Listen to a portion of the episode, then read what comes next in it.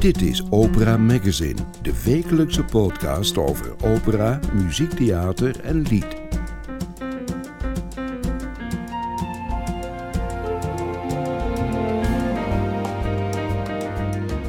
In deze aflevering van Opera Magazine hoort u hoe multitalent Leonard Evers door de muziek raast als componist, dirigent en in heel veel andere rollen. Hij was acht weken lang de dirigent voor de zangers in Aria op NPO 1. Welkom bij Opera Magazine.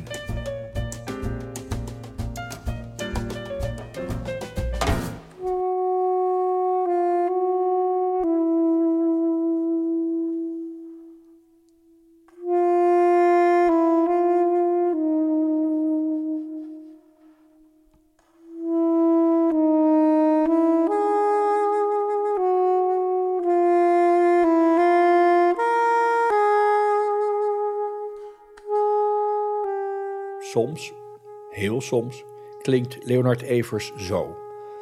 Als hij zijn eigen muziek speelt op flugelhoorn bij de band Windstreken.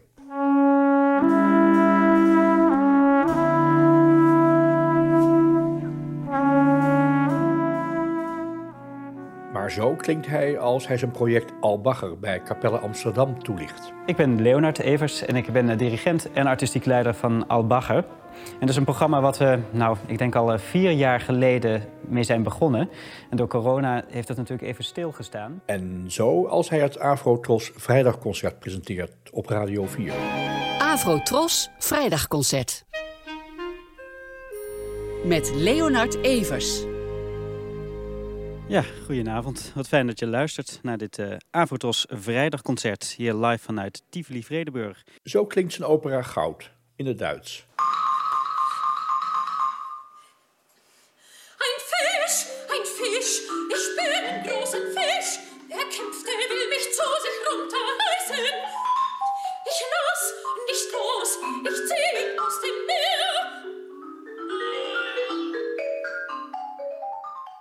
En dit is Leonard in zijn tijd als dirigent, artistiek leider en componist bij het Ricciotti Ensemble. Guys, first we were allowed to play one hour, but I asked Pepito, like, okay, is the problem when we are a little bit longer? And he said, man, you're a fucking orchestra. We don't have a fucking orchestra every day here, so play as long as you like. Zo heel veel verschilde dat eigenlijk niet met zijn meest recente rol op tv, die van dirigent bij het Nationaal Jeugdorkest in het programma Aria, dat op zoek ging naar nieuw operatalent, iedere zondag op NPO 2. De Westergasfabriek in Amsterdam is acht weken lang het decor van een unieke zangwedstrijd. We gaan op zoek naar het grootste nieuwe operatalent van Nederland. Tien zangers nemen het tegen elkaar op.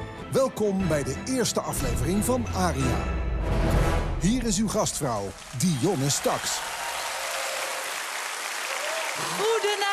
En welkom bij Aria. Ieder optreden wordt hier live begeleid door ons eigen Nationaal Jeugdorkest onder leiding van maestro Leonard Evers. Muziek is er al zijn hele leven. Toen ik heel jong was, stonden er twee boksen achter ehm, de bank van mijn ouders.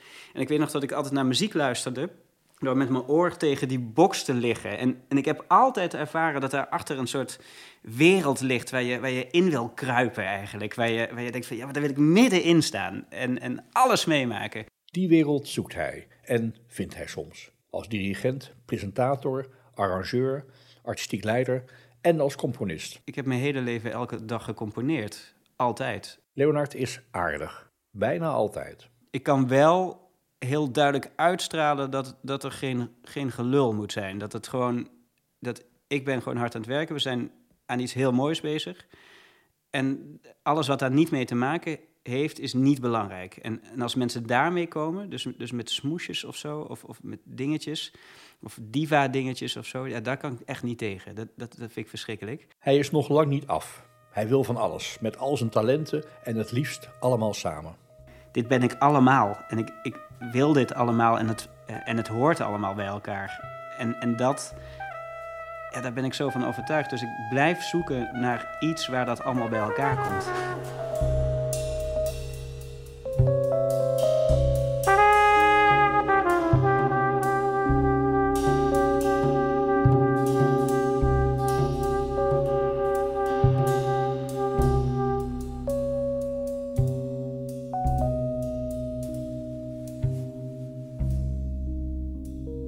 Zitten in Leiden. Leiden is een belangrijke stad voor jou, maar ook Heerlen. Hoe ligt die verhouding tussen die twee steden in jouw leven? Nou, het is, zo, ik ben in Heerlen geboren. eh, in 1985 was dat. En op mijn achtste ben ik naar Leiden verhuisd met mijn ouders samen. Mijn vader die kreeg een eh, nieuwe baan hier in, eh, in Leiden als studentenpastor. En ik realiseer me nu ook pas dat hij ongeveer even oud was als ik. Die was ook in het begin 30, denk ik. Dus dat was een ideale baan voor hem toen. En ehm, toen had hij de keuze om naar Sao Paulo te verhuizen in Brazilië. eh, en naar Leiden. En hij heeft voor Leiden gekozen. En toen ben ik hier eigenlijk op school geweest. Ik heb sinds 1993 hier gezeten. En eigenlijk nooit meer weggegaan. Ik, eh, ik, vind het, ik ben echt verliefd op deze stad. Ik vind het echt een heerlijke stad. Wat is Leiden muzikaal voor interessante stad? Uh, Leiden is echt een koorstad. Dus, dus Leiden heeft heel erg veel amateurkoren. Ehm, het heeft twee hele grote kerken, de Pieterskerk en de, en de Hooglandse kerk. Twee oude uh, middeleeuwse kerken ook. En um, heeft een hele rijke amateurkoor-traditie. Ik weet, mijn moeder die zat hier bij de Leidse kantorij. Uh, dus ik ben altijd naar die adventsconcerten geweest. Daar ben ik zo mee opgevoed. Dat was fantastisch. En ik, ik, ja, ik weet niet hoeveel koren Leiden heeft. Misschien wel 20 of 30, denk ik. En, en bovendien heeft Leiden natuurlijk ook Cornelis Schuit en, en oude componisten die hier natuurlijk... Je hebt de Leidse koorboeken hier ook nog, uh, die, die eigenlijk jaarlijks zijn, uh, zijn uitgevoerd. En de Stadsgehoorzaal. En, en de Stadsgehoorzaal is natuurlijk net een beetje een raar zaaltje. Uh, ligt tussen Rotterdam, Den Haag en, en Amsterdam in. Um, maar het grappige is dat ze altijd een hele aparte programmering hebben gehad. Um, ik, ik, weet nog, toen ik jong was, kwam hier bijvoorbeeld heel veel Cristina Branco, een Portugese fado-zangeres. Uh, daar gingen we altijd naartoe. Maar die kwam dus altijd naar Leiden. Die had zo'n zo'n band met Leiden. Amsterdam Sinfonietta natuurlijk ook, die hier uh, cd's heeft opgenomen. Dus dat is een, ja, ik, ik had altijd het idee dat hier toch wel wat gebeurt in Leiden. Heeft dan Limburg nog enig invloed gehad, bijvoorbeeld muzikaal? Koren, de fanfares, het koper. Heeft dat nog een rol gespeeld in jouw latere muzikale ontwikkeling? Jazeker, ja, absoluut. Nee, ik weet nog heel goed, toen ik in Heerlen woonde... ik woonde in een, in een wijk, de Heerlenbaan heette dat. En dat lag tussen Kerkrade en het stadscentrum van Heerlen in. Um, en uh, daar liep elke zaterdag liep daar de harmonie Sint-Jozef voorbij. Je had, je twee harmonieën. De katholieke uh, harmonie, dat was Sint-Jozef. En dan had je een, een, een, een, de, de koninklijke harmonie, dus protestants was dat. En dat heette Marijke en die had alleen maar fluiten. En dat vond ik zo flauw. En ik weet nog, toen ik communie deed, werd ik dus opgehaald door de harmonie. En dat was ook de hele reden om communie te doen. Ja, en ik, ik wilde niks liever dan bij die harmonie komen. Gewoon eigenlijk hoorn spelen of zo. En dat ging dan nog niet, want dan heb je natuurlijk melktanden, dus dan mag je nog niet spelen.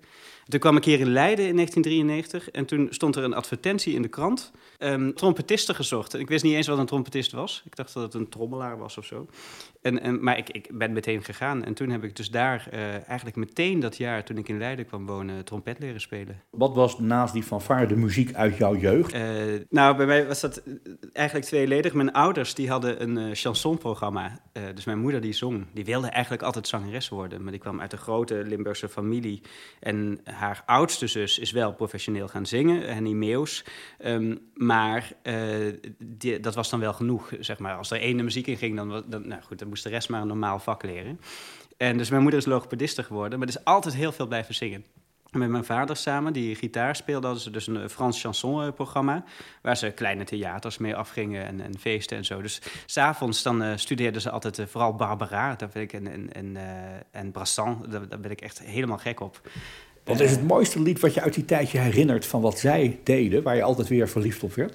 Ah, à la claire fontaine is dat. Uh, à la claire fontaine. Dus dat, was, en, verder heel veel uh, Braziliaanse muziek ook. Uh, mijn ouders waren gek van Brazilië, omdat ze daar toen heel erg mee bezig waren. Ze hadden een vriend die daar theologieprofessor was in Sao Paulo. En daarom hebben ze ook zelfs overwogen om daar naartoe te gaan. Dus er was gewoon heel veel, heel veel verschillende Braziliaanse muziek. Um, uh, veel uh, bossa nova natuurlijk. Maar ook Stan Getz, Astrid Gilberto. Stan Getz natuurlijk, dat album, daar, daar, dat grijs gedraaid, Astrid Gilberto. Maar ook heel veel andere, Edu Lobo. Um, Caetano Veloso. Caetano Veloso natuurlijk. Eigenlijk, um, natuurlijk heel veel Maria Bethânia ook. daar, daar ben ik echt mee, mee opgegroeid. Dat is, en, en veel jazz ook. Klassieke muziek. Echt, alles kwam dat huis in. Ja. Het zegt misschien iets over hoe je later bent doorgegaan in de muziek. Want ik hoor lijntjes en we gaan het dadelijk nog hebben over de arrangementen die je hebt gemaakt voor Thomas Oliemans van Ja. Franse chansons, recent verschenen. Ja. Eh, maar je bent trompet gaan spelen. Je speelde, dat hoorden we aan het begin van eh, dit gesprek, je speelde prachtig trompet bij de band. eh, Kan je zeggen de band Windstreek of het ensemble? Wat moet je zeggen? Nee, het is een band, vind ik. Ja, er wordt, er wordt altijd ensemble gezegd, maar dat is zo chic. Nee, het is, het is gewoon echt een band. Ja. En jij speelde flugelhorn op een eigen stuk van jou, Prelude of Prelude? Wat Ja, een prelude is het. eh, Het is eigenlijk heel lang, of een tijdje geleden gemaakt, eh, op basis van de, de prelude in C van Bach, eh, het woord het tempereerde klavier. En daar heb ik ehm, eigenlijk gekeken naar die hele akkoordstructuur en die helemaal omgegooid. Dus je gaat daar niks meer van herkennen. En daar zit dan een eh, hele, ehm, op basis van die akkoordstructuur heb ik een hele open improvisatiesectie gemaakt. En daar hebben we eigenlijk alles losgelaten. En ja, dat was fantastisch, met Sebastiaan van Delft en, en Jurk Brinkman op, op cello. Ehm, trompet ontdekt en je ging trompet studeren in Den Haag. Ja, klopt. Ja. Wist je toen ook al zo zeker dat dat een loopbaan moest worden? Dat je daar je leven aan zou wijden? Want dat is een beetje de keuze die je maakt als je naar een conservatorium gaat. Dan is dat je beroep en je leven en je bestaan. Ja, ja, dat is eigenlijk altijd een vraag. Het was meer een soort intuïtie. Dus het was heel normaal dat ik eh, trompet ging spelen. Ik was altijd met muziek bezig, constant. Eh, zolang ik me kan herinneren, eh, was dat ook als we gingen spelen, dan, dan speelde ik dat ik eh, dirigent was en dat mijn broertjes eh, eh, een orkest waren. Of, of ik ging componeren, eh, deden we ook al. Eh, dat, dat was gewoon onderdeel van, van spel. En ehm, eh, dus dat, dat dagelijks met muziek bezig zijn, dat was gewoon iets heel natuurlijks en dat is nooit verdwenen. En toen ik trompet ging spelen, toen ging dat, vond ik dat leuk. Eh, en hoe is dat gegaan? Ik had les en toen op een gegeven moment werd er gezegd van... nee, je kan eigenlijk nog wel beter les hebben. En dat kan op het conservatorium in, Den Haag. En dat was tijdens de middelbare schooltijd. Dus op mijn vijftiende ben ik toen ehm, voor gaan spelen. Jong talentklas. En toen heb ik les gehad. En eigenlijk wilde ik jazztrompet gaan spelen. Want ik, ja, dat, dat was de hele... Ik improviseerde ontzettend veel. En dat vond ik echt fantastisch. En dat mocht dus niet, of het mocht niet. Er werd gezegd van, nou ja, nee, maar dat moet je niet doen. Want eh, als je klassiek leert spelen, dan is dat veel technisch veel beter. En dan eh, doe dat nou maar eerst. En dan kan je nog later altijd jazz-trompet studeren. En, en toen weet ik nog, toen kwam ik in dat gebouw. En toen heb ik dus voor, eh, voor toen was dat nog met de Huug de solotrompetist van het residentieorkest destijds. En ehm Beatrice Korevaar, waar ik toen les van heb gehad. Ehm, hele goede docenten. Eh, en daar, daar ben ik toen begonnen. Toen werd ik toegelaten. En toen, ja, toen begon het avontuur eigenlijk. Ja, Dan hebben we nog overgeslagen dat je ook nog literatuurwetenschap hebt gestudeerd. ja dat was Bachelor. daarna trouwens. Want eh, ik begon tijdens de middelbare school dus met, met eh, trompet studeren. En ehm, nou, dat heb ik de laatste twee jaar van mijn middelbare school gedaan. En toen een jaartje... Nou ja, ik was alleen maar met die muziek bezig. Dus ik was eigenlijk... eh, ik had weinig sociaal leven, behalve rond muziek. En toen, heb ik, eh, toen ik klaar was met middel- middelbare school... dacht ik van, nou ja, dan ga ik alleen trompet studeren. Heb ik een jaartje voorbereidend jaar gedaan. Maar gelijk al heel veel lessen bij Roderick de Man, compositie... en, en eh, directielessen bij eh, Jos Vermunt ook. Dat was, was heel erg leuk. Ik, ik was heel erg aan het zoeken, wat wil ik nou? Maar ik wist wel van, nou ja, ik wil, ik wil niet op mijn veertigste in een, in een orkest terechtkomen. Ik wil gewoon niet dat ik op mijn vijftigste daar zit... en dat er een jongetje van dertig komt die zegt, en nu doe je het zo. dat, dat, wilde ik niet. En, en ik merkte, het is heel technisch, hè? net als zingen, spelen. Het is eh, ontzettend technisch, zeker die eerste jaren.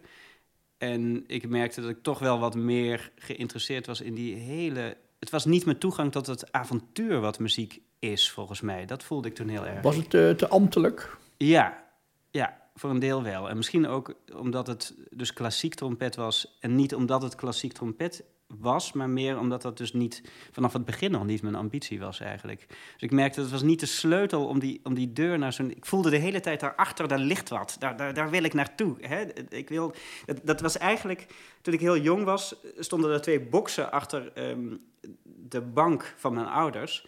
En ik weet nog dat ik altijd naar muziek luisterde door met mijn oor tegen die box te liggen. En, en ik heb altijd ervaren dat daar achter een soort wereld ligt waar je, waar je in wil kruipen eigenlijk. Waar je, waar je denkt van, ja, maar daar wil ik middenin staan en, en alles meemaken. En dat, dat gebeurde gewoon niet met trompet. Dat, dat, dat was het niet. Eh, maar ik wist niet wat het wel was. En toen dacht ik, nou, ik moet... ik, weet niet wat ik wil worden. Ehm, maar ik had een oom die was componist, Hans Meus. En ik wist, ja, ik wil zoiets als, als hem worden. Gewoon zo iemand die heel veel leest en, en componeert en daar helemaal, die is daar middenin, dacht ik. En eh, toen dacht ik, ja, dan moet ik ook of filosofie of geschiedenis of zo gaan studeren, om, want dat heeft daarmee te maken. Dat was zo'n zo'n idee, dacht ik toen. En toen kwam ik bij literatuurwetenschap uit, omdat het een perfecte combinatie was van alles. Het zegt ook iets over het feit dat je dus aan de ene kant hè, uitvoerend muzikus wil zijn, maar je wil altijd meer zijn. En als ik je cv zie, dan is het altijd meer geweest, of veel meer zelfs. Dat muziek maken zelf is maar een klein deel van je tijd volgens mij, want je bent vooral gaan artistiek leiden, dirigeren, componeren. Uh, kortom, het moest altijd iets anders zijn dan alleen maar tonen en noten uit een instrument halen. Dat klopt. En was dan literatuur een zijweg? Ja, het was heel gek, want ik wist toen ik literatuur ging studeren, wist ik niet precies waarom ik het deed. ik wist alleen, ik had zo'n, gewoon zo'n intuïtie van, ja, maar dat heb ik nodig om later op die manier met muziek bezig te zijn zoals ik dat wil zijn. Ik had gewoon het idee van ja, muziek is niet alleen die noten. Het is een wereld. En een wereld die te maken heeft met, hè, met, met zoveel andere dingen. Met, met ideeën die leven en ideeën die in de loop der eeuwen hebben geleefd. En, en die daar allemaal in, in opgeslurpt zijn en waarin dat resoneert. Dus ik dacht, ja, ik moet ook meer van die, van die ideeën weten. Ik moet meer van die, van die grotere wereld weten. En, en achteraf denk ik ook dat het een goede keuze is geweest. dus, uh, dat heeft je niet in de weg gezeten als een soort onhandige hobbel op die weg naar de muziek? Nou, het, het, was, ik heb dat helemaal niet zo ervaren, want dat is echt een heerlijke tijd. Ik kon ook lekker hier eh, studententijd en zo meemaken, dat was fantastisch. En uh, ook heel veel geleerd, gewoon door avonden met mensen bier te drinken. dat, is ook heel goed. Ja, um, maar um, nee, er is één moment geweest. en toen, toen is het ook gekanteld. Het was eigenlijk aan het eind van mijn studie literatuurwetenschappen. Ik weet het nog heel goed. Toen zat ik bij mijn ouders te barbecuen. En ik, moest, ik was lid van een studentenroeivereniging... waar ik uh, ook coach was van de wedstrijdploeg. En, Toch ook weer? Ook, ja, dat, dat gebeurde dan. toen moest ik daar naartoe en ik zat te barbecuen met de zoon van um, het stel wat ik net opnoemde. Dus Hans en Henny Meus. Uh, Titus Meus is uh, kunstschilder... En um, toen zei ik dus dat ik daar naartoe moest. En die keek me een beetje schertsend aan en die zei... Uh, Ach, Leonard, wat een nonsens, dat gesport en zo. En dat gedoe. Je, je moet gewoon, je, je moet mensen roeren. Dat is belangrijk. Dat is, dat is belangrijk in het leven. En hij bedoelde dat met een paar glazen wijn op, gewoon schertsend. Niet roeien, maar roeren. Niet roeien, maar roeren, ja. En ik weet nog wat er toen gebeurde. Dat was ongelooflijk. Toen, toen, het was echt alsof ik een klap kreeg. En, en um, ik ben toen naar boven gerend, naar de slaapkamer van mijn ouders. En ik heb toch gehuild, weet ik nog. Gewoon, ik dacht van, ja, Tomme, wat ben ik ook allemaal aan het doen? Ik moet ook, uh, ik, ik moet weer terug naar die muziek. Want wat waren de, wat waren de tranen? Um, het, ik denk het idee dat, dat ik weer terug, dat, dat ik opeens merkte van, ja, dat, dat is inderdaad wat ik wil. En, en hoe moet dat nou? En, en dit is niet de weg. Uh, dus ik moet, ik moet weer terug. ik moet weer terug naar, uh, naar die eerste ambitie. Um, en ik merkte, en als je merkt dat je daarvan af bent, is dat frustrerend natuurlijk. Dan denk je, god, maar, maar hoe moet dat? Je ontliep jezelf als het ware. Ja, ja. Ik was er ook wel een beetje bang voor, want ik dacht altijd van, oh ja, maar daar, dat conservatorium en zo, dat, ik hoor daar niet echt of zo. Dat trompet ging heel erg goed, alleen ik merkte ook van, ja, maar dat is niet echt mijn wereld. En ik wist gewoon niet zo goed wat dan wel mijn wereld in, daar was. En toen realiseerde ik me van, ja, maar ik, ik heb mijn hele leven elke dag gecomponeerd. Altijd. Uh, dus ik had gewoon een stapel bladmuziek liggen. Ik had al, ik had uh, als afstudeerwerk voor mijn middelbare school had ik een opera geschreven en, en uitgevoerd en uh, Vrij ongebruikelijk voor een jongeman, tenzij je Mozart heet. nou ja, nee, maar, ja, het was ook geen meesterwerk, maar het was wel, wel een opera. En ik weet nog heel goed dat ik toen... Dat was ook een heel sterk gevoel. Dat, dat dirigeerde ik. Ik had een orkest samengesteld. Ik had het geregisseerd. Ik had uh, die tekst geschreven. Ik had die muziek geschreven en zo. En toen, ik weet nog heel goed dat ik dat aan het doen was. En dacht, ja, ik weet niet wat dit is, maar dit is wat ik wil doen. dit is echt... en, uh, en dat deed ik dus die jaren niet. Uh, ik denk dat het daardoor ook zo binnenkwam. En toen ben ik, ben ik, uh, heb ik, ben ik naar Rotterdam gegaan en heb ik uh, toelating voor, voor compositie gedaan. Ja. En daar ben je gaan leren componeren, of althans verder gaan ontwikkelen om te componeren? Ja, ja, dat, eh, dat was, was fantastisch. Dat was echt... eh, Rotterdam voelde ik me... Ik vond het een verschrikkelijke stad in de eerste jaren. maar ik voelde me er ontzettend thuis. Het was, ook omdat dat conservatorium, dat was ontzettend open. Dus Rotterdam had eh, natuurlijk niet alleen een klassieke afdeling... maar ook een hele bloeiende jazzafdeling. Een, een eh, fantastische wereldmuziekafdeling... met hele goede Latijns-Amerikaanse sectie en, eh, en Turkse sectie ook. En ehm, daar was er gewoon heel veel overlap tussen. En, en dat merkte je heel erg. Dus ik kon les hebben bij, een, eh, bij Paul van Brugge, mijn hoofdvakdocent. Die zat in de filmmuziek en jazz eigenlijk. Maar ook heel veel lessen gevolgd bij Klaas de Vries. eh, wat, wat echt geweldig was. Da- daar kwam ik echt thuis. Ehm, en bij, bij Robin de Raaf en eh, Jan Bas Bolle en zo. Wagemans. Peter-Jan Wagemans is de enige waar ik geen les van heb gehad. Ja, die, ook, ook om een bepaalde reden. Ik merkte, eh, eh, eh, Klaas de Vries was heel open. Hè? Dat was echt zo'n ja, grand old man al, maar die heel nederig ook was. Dat was ik, herinner me één dag dat hij naar me toe kwam en toen moest hij een, had hij een opdracht van David Quecksilver, de, de big band. En toen kwam hij naar me toe en hij was toen al hoofd van eh, de klassieke muziekafdeling daar, eh, van de compositieafdeling. En hij kwam naar me toe en, en zei van, goh, ja, ik moet die big band compositie schrijven, maar dat heb ik nog nooit gedaan. Kan je me wat vertellen over schrijven voor big band? En ik was een tweedejaars student. En toen dacht ik, ja, maar dit, dit is echt een grote leraar. Want als iemand dat zo kan, kan zeggen en, en zo ehm, eh, wars van ego is, ja, dat vond ik echt fantastisch. Dat, dat, daar heb ik heel veel van geleerd. Ja. Je bent daarna heel veel gaan doen. Dat is, en ik heb het pak hier liggen met de research voor dit gesprek. Vrij gigantisch. Je hebt inmiddels twee opera's geschreven voor kinderen. Kriebel, daar hebben we je een paar jaar geleden over gesproken. Link in de show notes. Eh, Goud gaat binnenkort weer opnieuw eh, lopen bij de Nationale Opera. Eind van de maand is dat waarschijnlijk ook gewoon te zien voor kinderen en ouders. 7 plus is Goud geloof ik. 7 plus, ja. Kriebel is 2 plus, hè? Dat is helemaal, Kriebel is 2 eh, plus, ja. ja. En ik wil twee dingen naar voren halen. Je jaren bij het Ricciotti Ensemble, wat je tot 2018 hebt gedaan. Hè? Afscheid in Cuba tijdens de tournee. Ja. Chaos, anarchie, eh, jij de baas, maar eh, allemaal muzikanten die hun eigen gang kunnen gaan binnen die muziek. Ook rare muziek, hè? Straatsymfonieorkest heet het. Ja. Aan de ene kant. Aan de andere kant ben je nu een BN'er. Ben je een BN'er trouwens nu? Nou, ik hoop het niet, eigenlijk. Wat, merk je iets van Eh, BN'erschap? ja, ik merk, ik merk wel dat, er, dat mensen je herkennen en dat je opeens eh, allerlei rare eh, vrienden op Facebook krijgt en zo. Mensen die je, die je volgen. Ja, dat wel. Eh, en dat vind ik ook heel leuk.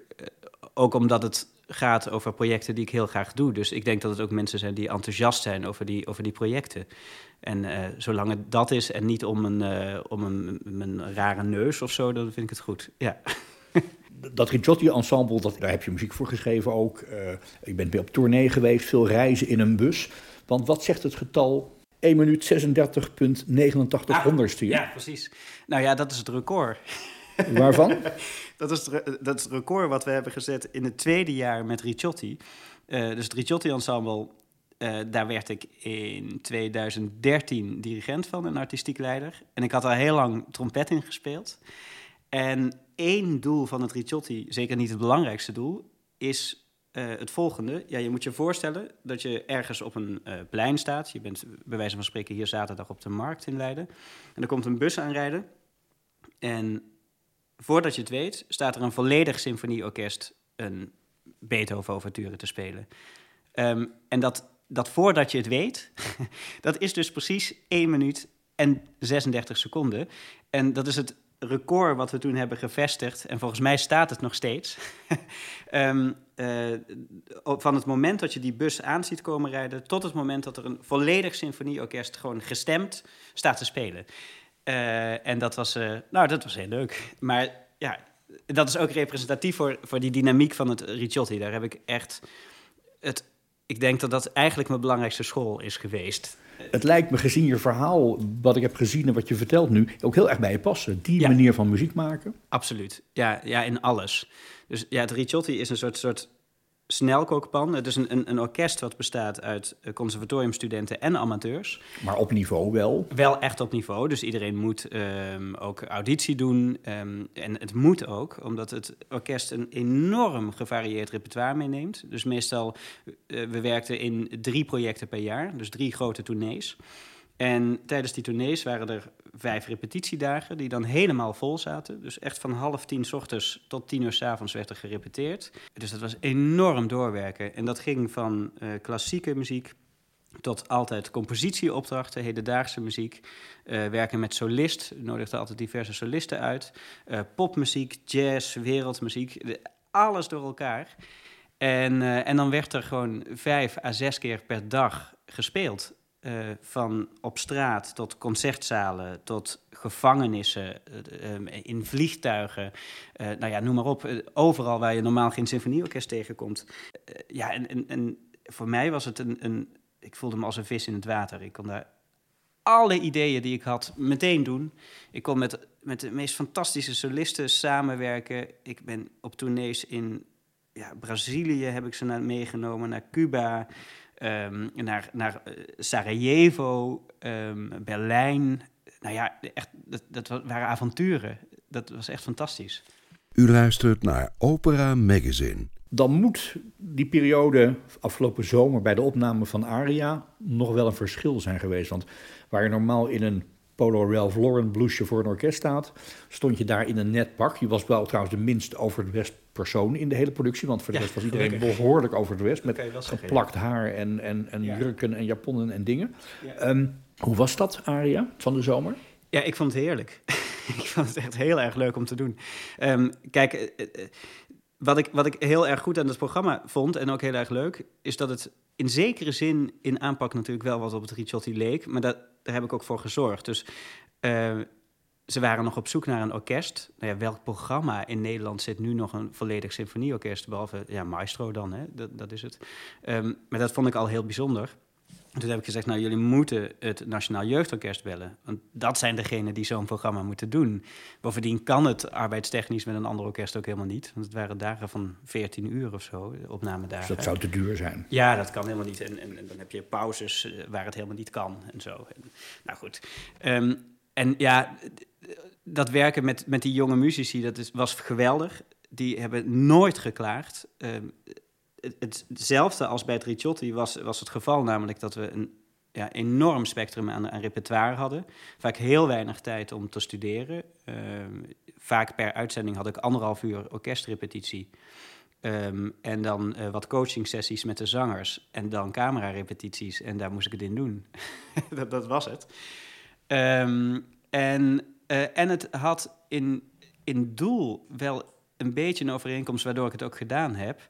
Uh, en dat was namelijk gewoon op een integer, zo integer mogelijke manier um, een bepaald repertoire openstellen voor een zo breed mogelijk publiek. En dat deden we met Ricciotti natuurlijk ook altijd. Eh, we stonden daar in een gevangenis Beethoven, maar ook opdrachtcomposities te spelen. En, um, en ik voelde een beetje dezelfde drive hier. Dat, dat, ze gewoon, dat er mensen echt oprecht gek waren op dat opera-repertoire. En vanuit die drive ook zeiden van ja, maar we willen gewoon dat dat voor een breder publiek toegankelijk wordt. En, en dan krijg je inderdaad wel een, een commercieel sausje en daar kan je van alles van vinden. Zo'n programma is de hele tijd een, een strijd tussen een, een fractie die echt vanuit de operawereld komt. Hè. Dus dat, beschouw ik mezelf dan toch ook maar eventjes bij. En uh, natuurlijk Rosemary Joshua vanuit de DNO, die ook echt een grote vinger in de pap had. Um, en, en als je dan wil zeggen aan de andere kant, uh, de, de commerciële jongens. De programmamakers. De programmamakers. Um, dus dat is de hele tijd een strijd. Maar ik vond dat ook wel verfrissend. Ik vond het ook wel leuk om die strijd de hele tijd aan te gaan. En het ging wel met heel veel respect. Steeds, uh, over en weer. Dus kijk, daar waren mensen die natuurlijk niks van opera weten. Maar ook mensen die er wel degelijk wat van weten. Um, maar die wel beseften dat ze dat niet wisten. En die dus wel de juiste vragen stellen. En wat ik bijvoorbeeld heel leuk vond, was uh, op dat kantoor van, van Media Lane... Degene de die, producent. De producent Um, merkte ik dus in de loop van de weken, daar liep ik dan ook wel eens rond, dat iedereen met koptelefoons naar, naar aria's aan het luisteren was. En, en ook aan het fluiten was. En dat vond ik ontzettend leuk. Dat, dus iedereen dook daar heel erg in. En ik vond die ja, bijna naïeve uh, passie daarvoor, vond ik heel grappig en, en heel leuk. En daar wilde ik ook in meegaan. Uh, dus um, ja, en dat commerciële sausje, kijk, eh, mijn rol vond ik om zoveel mogelijk te vechten om, om een bepaalde integriteit en, en kwaliteit in stand te houden. Dus Um, hè, als er dan in area's geknipt moet worden, wat dus veel is gebeurd, uh, dan probeerde ik in ieder geval te zorgen dat het dan zo smaakvol mogelijk werd gedaan. Dus, dus dan voel je een beetje een beul met, met, met fluwelen handschoenen, soms. Ehm, aan de andere kant, ik snap ook wel dat je, dat je niet met een volledige... eh, Nou trouwens, ik zou het heerlijk vinden... een, een volledige ehm ehm, eh, cabaletta kan aankomen... omdat die gewoon vaak veel te lang is. Eh, dus ja, dat, dat was vaak een middenweg zoeken. En soms deed het pijn. Ja, dat, dat klopt. Ja, Wat was aan de andere kant de leukste? Wat was nou, je hebt, je hebt Carmen gedaan, je hebt Ja. Verdi gedaan, je ja, hebt Puccini. ook, eh, Puccini, Jonathan Dorff ook. Wat voor het leukste om te doen van al die stukken die gedaan zijn? Ja, ik vond, mijn ontdekking was eigenlijk dat ik het ongelooflijk leuk vind om, om Belcanto te, te dirigeren. Dus Bellini. ehm Donizetti zat erin. Donizetti zat er ook in. Voor mij, dat was echt een ontdekking. Want dat had ik nog helemaal niet zo ontzettend veel gedaan. Natuurlijk wel gewoon, gewoon met solisten, vaak losse aria's. Maar nog niet enorm ingedoken. Ik merk opeens hoe fantastisch ik dat vond. Dat heeft, Eleonora heeft er natuurlijk ook mee gewonnen uiteindelijk. Ehm, en met de Vien di Letto natuurlijk. En, en eh, Puritani. En ehm, ik vond het zo'n ontzettende sport om in hele korte tijd dan met haar te werken op, op fraseringen en, en, en, op al die versieringen, om die echt helemaal goed te krijgen. En dan met het orkest die sport om zo'n Rita Dando of zo echt helemaal werkend te krijgen. Dat je voelt van ja, nu valt het in elkaar. Ja, daar, daar word ik euforisch van. Dat, dat was, en dat merk je dan ook echt aan iedereen. Hè. Als dat dan lukt, en met Eleonora lukte dat dan af en toe, en met andere kandidaten ook wel hoor. Ehm, ja, dan voelt iedereen zich, zich magnifiek. Dat is echt fantastisch. En dan, en dan merk je ook dat het echt in, in die belcanto daar natuurlijk om gaat. En dat vind ik ook heel mooi, dat die muziek zelf ehm, bijna een soort vehikel is om, om, om schoonheid te produceren. Om nog, nog even een extra laagje daar, daarop te leggen, waardoor het helemaal gaat, gaat sprankelen en je slagroom krijgt. En, en eh, ja, dat, dat was voor mij echt een, echt een ontdekking. Het allerleukste vond ik denk ik de, de aria van Jonathan Dorff. Eh Adelaide's aria, uit de Tiara heet die. Dat deed Eleonora ook. Ehm, en eh, dat is uit een kinderopera, dus dat lag ook heel dicht bij me eigenlijk. En dat is een stuk wat is geschreven voor een hele kleine bezetting. Voor ehm, accordeon, trombone en bas en drum, volgens mij. En ik hoorde daar meteen een enorme orchestratie in. En die heb ik dus ook gemaakt met toestemming van Jonathan Dorff. Echt zo letterlijk, Ja, per e-mail. eh, Per, per e-mail via de uitgever, inderdaad. Ehm, en eh, daar heb ik gewoon een enorme orchestratie en heel veel dingen aan toegevoegd natuurlijk. Dus, en daar kwam natuurlijk alles bij elkaar. Daar kon ik gewoon eh, enorm arrangeren. Ehm, het was muziek die heel dicht, à la Bernstein is het eigenlijk een beetje heel dicht bij me ligt. En, en het werd ook nog eens fantastisch gespeeld. Ja, dat, dat vond ik eigenlijk het leukste. En ik vond het fantastisch dat in dat programma, wat toch echt gericht is op een mainstream publiek, gewoon een hedendaagse componist zat. Dat, dat vond ik ontzettend belangrijk en, en ook, eh, ook fantastisch. Ja. Is het dan niet een beetje sneu dat jij daar, je stond daar buitengewoon vriendelijk glimlachend. Mm. Moet een dirigent trouwens niet een beetje een bullebak zijn? Ja, dat, dat is dus altijd mijn euvel. Ik, ik had net een, een, een groot programma met Capelle Amsterdam heb ik gedirigeerd. El Bagger. Eh, inderdaad. Dus eh, de, over de Middelland, eh, allemaal muziek rond de Middellandse Zee. Eh, dat is een programma wat ik ook zelf heb samengesteld en drie jaar mee bezig ben geweest om dat allemaal bij elkaar te zoeken. Ehm, en daar merkte ik ook, kijk, dan werk je met zoveel verschillende mensen en dan komt er altijd een, een punt waar je, waar je beslissingen moet nemen. En die doe ik ook altijd wel. Ehm, dat geldt voor Aria ook. Alleen, ik vind gewoon, mijn grootste doel als dirigent is om mensen achter een soort gemeenschappelijke visie te brengen. En, en voor mij persoonlijk is het dan niet overtuigend om een bullebak te zijn. Ik, ik ben wel streng. Ik kan wel veel van mensen eisen, omdat ik dat ook van mezelf doe, altijd. Val je wel eens uit ook tegen het orkest? Nee, ik, ik denk het niet. Ik, ik, kan wel, ik kan wel, ik zie wel eens blikken van mezelf terug. Als ik dirigeer, dan denk ik, oei, dat is, eh, als, ik, als ik aan de andere kant zou zitten, dan zou ik niet blij zijn. Eh, maar dat probeer ik dus ook te voorkomen. Ehm, ik kan wel heel duidelijk uitstralen dat, dat er geen, geen gelul moet zijn. Dat het gewoon, dat ik ben gewoon hard aan het werken. We zijn aan iets heel moois bezig. En alles wat daar niet mee te maken heeft, is niet belangrijk. En, en als mensen daarmee komen, dus, dus met smoesjes of zo, of, of met dingetjes, of diva-dingetjes of zo, ja, daar kan ik echt niet tegen. Dat, dat, dat vind ik verschrikkelijk. En ik denk dat ik dan wel echt wel kan uitstralen van, nou ja, daar moet je, daar moet je niet mee aankomen. Verder probeer ik mensen altijd juist zoveel mogelijk op hun gemak te stellen. Ik vind het heel belangrijk dat iedereen zich comfortabel voelt. Maar de operadirigent is toch iemand die vrij nadrukkelijk zijn voorkeuren en zijn tegenkeuren laat merken bij de repetities. Die sopranen ja. nogal wel eens wil afrossen verbaal. Zeker. Die heel zagrijnig wordt uh, als het niet helemaal gaat zoals hij of zij het wil. Ja, ja. Past die rol een beetje bij je? Nou, kijk, ik heb wel een visie. Dus ik, wil, ik, ik, ik, wil, ik probeer wel alles eraan te doen dat, dat als ik iets hoor in mijn hoofd en ik blijf daarvan overtuigd, dan ga ik daarmee door. Aan de andere kant, ik vind een hele belangrijke rol van een operadirigent is uh, uh, zorgen dat zangers zo goed mogelijk uit de verf komen. Zeker in het geval met, met Bel, Belcanto of zo, maar eigenlijk overal. Um, uh, ik denk dat het als een zanger een, een grote fout maakt, is dat bijna altijd mijn schuld. Het, hè, dus of ik heb een tempo te. Ik, ik, ik, ga te, te hard door in een bepaald tempo en ik geef geen tijd om te ademen, bijvoorbeeld. Nou, doodzonde. Um, uh, toch gebeurt het heel veel. Um, ik, en, en wat vervolgens mijn rol is, is denk ik dat in de repetities en in de concerten zo te brengen dat zangers het idee hebben dat ik ze volkomen volg. Dat ze helemaal vrij zijn. Dat probeer ik ook. Daar was Aria overigens een fantastische leerschool in, omdat er natuurlijk zangers van allerlei kaliber aan meededen. En de een uh, beter te volgen was dan de ander.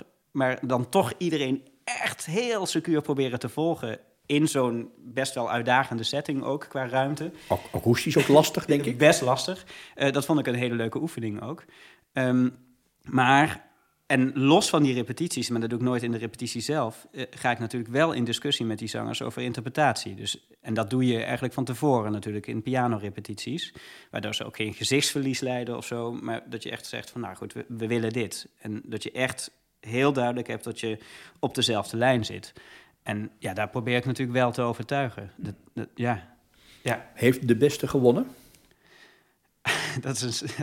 dat is um, ja, de beste heeft gewonnen uiteindelijk. Ja.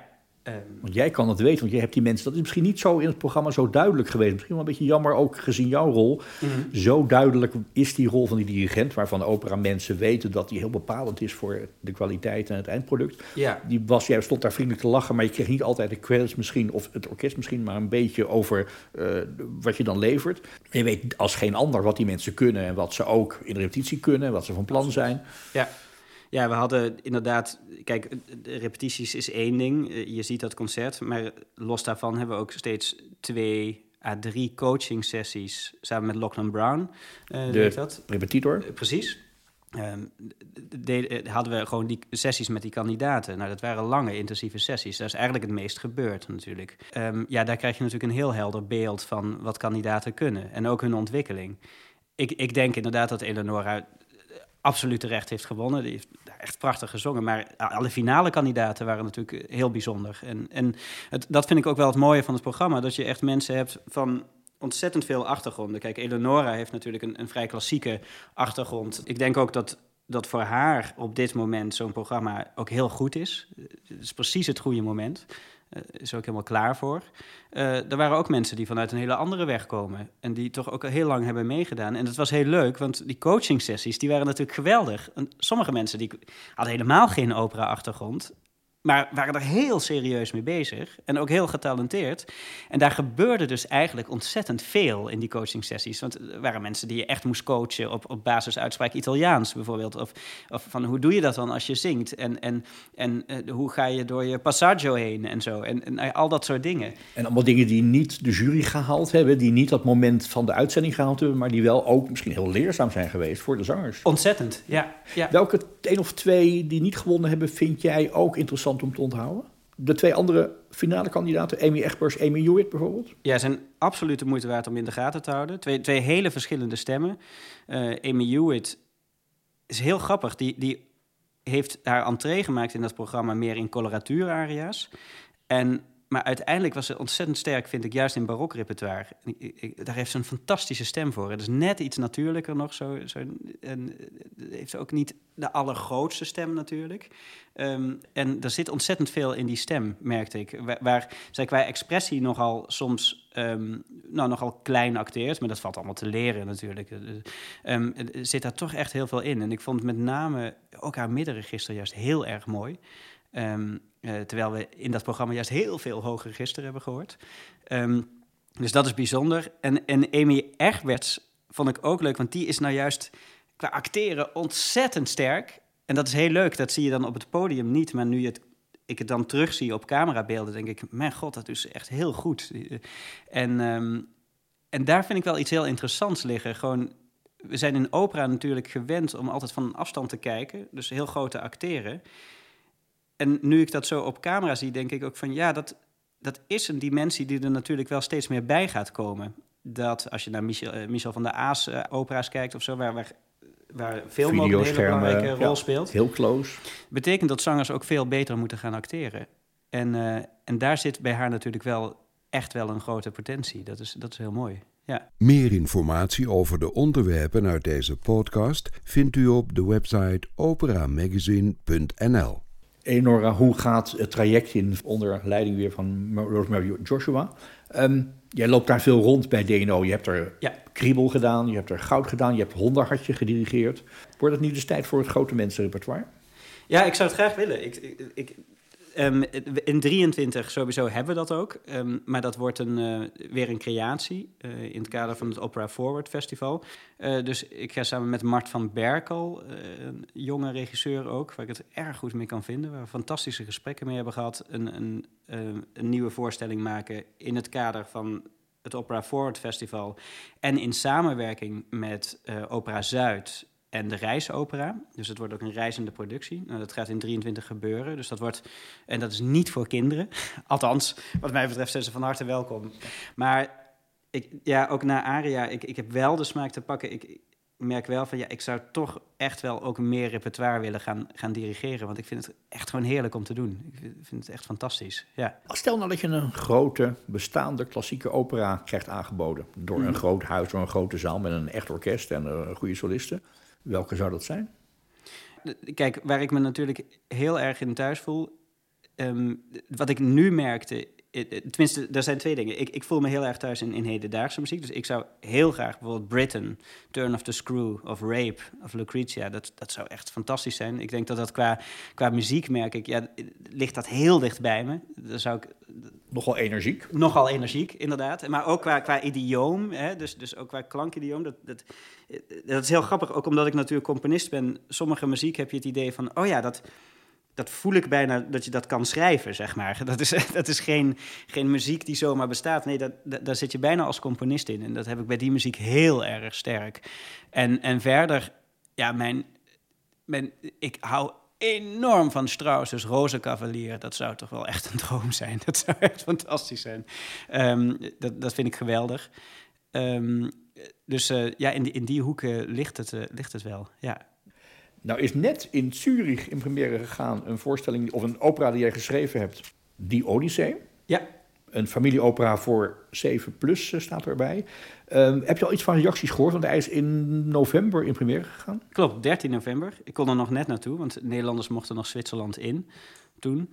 Eh, met een grote eh, club vrienden ook. En ehm, ja, de reacties waren heel goed. Daar was ik ontzettend blij mee. Ehm, er zijn ook al recensies verschenen, inderdaad. En die waren ook heel positief. Dat vond ik, vond ik heel fijn. Er werd gezegd, volgens mij door een krant uit Oostenrijk, dat het, eh, wat was het ook alweer? Evers verzorgt das Ohr mit reichhafter Nahrung. Dat, dat, was het. Dus dacht ik, nou goed, dan zijn ze wel, wel tevreden.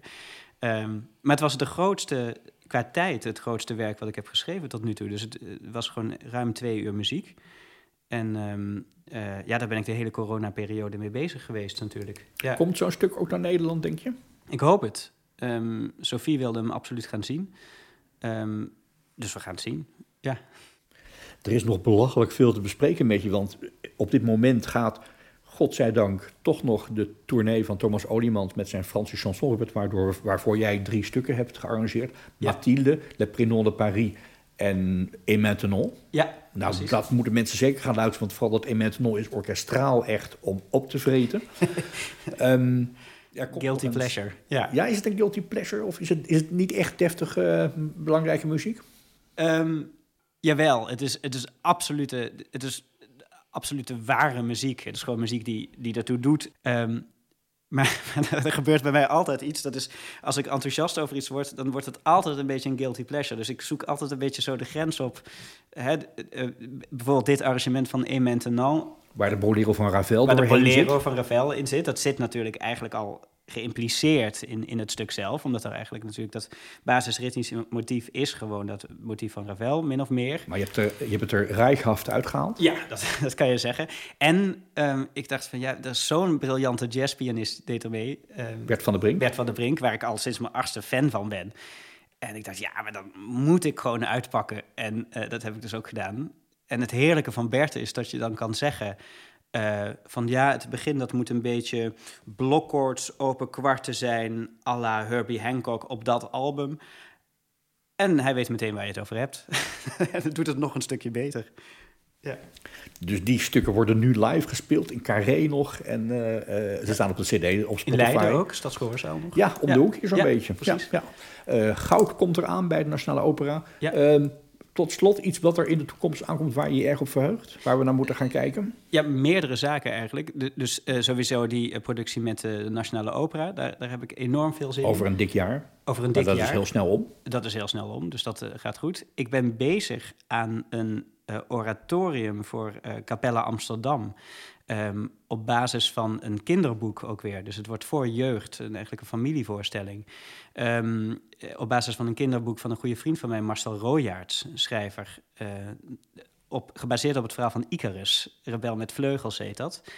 En dat ga ik met Kenza Kuchikali ook doen. En ehm, ja, daar heb ik heel veel zin in. Maar dat wordt ook 23. Eh, dus dat is een groot project waar ik mee bezig ben. En ik mag eindelijk weer een orgelconcert schrijven voor het Orgelpark. Eh, dus daar ben ik mee bezig. Eh, en er staan weer eh, directieklussen. ehm, met, met het Nederlands Philharmonisch ga ik, ben ik een kindervoorstelling rond de Enigma Variations van Elgar aan het maken. Die ga ik dirigeren.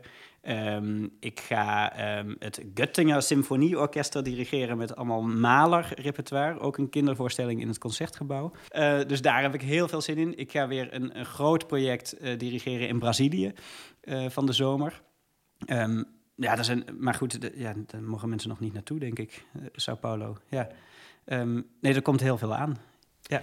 Dat gebeurt in die zalen. Het gebeurt eh, gelukkig ook steeds meer op tv. Op YouTube is het te vinden.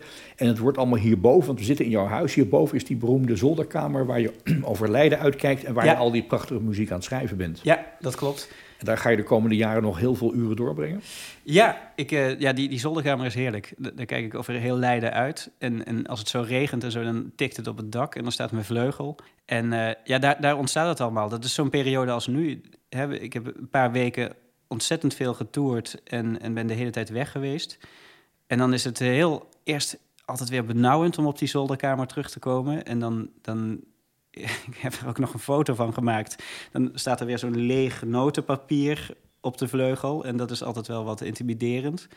Maar als je dan weer bezig bent, ja, dan vliegt zo'n dag weer om. En dan is het weer heerlijk om, om weer nieuwe projecten zo op te zetten. Ik vind dat fantastisch. En nieuwe stukken te componeren en nieuwe muziek te studeren. Eh, ja, er is niks heerlijkers dan dat. En weer in dat avontuur te duiken. Leonard Evers blijft die papieren vullen. Blijf het uitvoeren in de zaal in Nederland en verder buiten. We blijven je volgen. Dankjewel. Dankjewel. En we hebben nog maar de helft gedaan.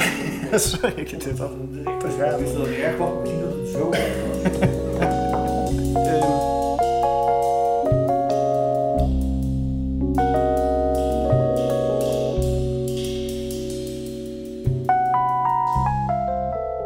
had ik ook zou moeten zeggen. Ik heb hè, dat moment waar ik over sprak van aan het eind van de middelbare school, dus je denkt van ja, wat wil je worden? Ik heb het op sommige momenten opeens meegemaakt. En gek genoeg was het toch ook in Aria. Het, eh, ik opeens dacht van ja, dit is precies, dit is inderdaad precies wat ik wilde doen. Dit, nu ben ik wat ik, wat ik wilde doen. Ehm, en ik weet nog steeds niet wat het is. Het is namelijk iemand die, die en dirigeert en arrangeert en ideeën heeft over dat programma en daar ook nog een beetje mee mag meepraten. Toen dacht ik opeens, ja, maar dit, dit is het dus. Ja. Maakt het je ook onrustig? Ja. Ja, het maakt me onrustig omdat ik natuurlijk ook wel weet dat het heel veel is. En eh, ja, ik heb altijd een denkbeeldige docent. Misschien ben ik het over, over 40 jaar die dan zegt... nou, ja, maar nu moet je echt gaan kiezen. Je, moet gaan, je gaat nu of dirigeren of je gaat componeren... en laat dat gekke gebabbel op de radio nou eens gaan. Ehm, en, en, en dan is er tegelijkertijd mijzelf die zegt... ja, maar dit ben ik allemaal. En ik, ik wil dit allemaal en het, en het hoort allemaal bij elkaar. En, en dat, ja, daar ben ik zo van overtuigd. Dus ik blijf zoeken naar iets waar dat allemaal bij elkaar komt. Zal ik hem nu echt uitzetten? Ja.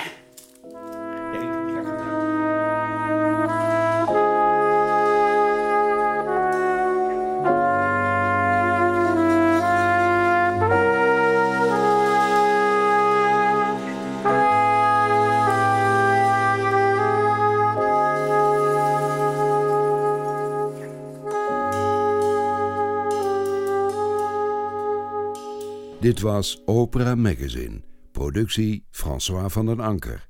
Meer informatie en de volledige opera-agenda vindt u op www.operamagazine.nl.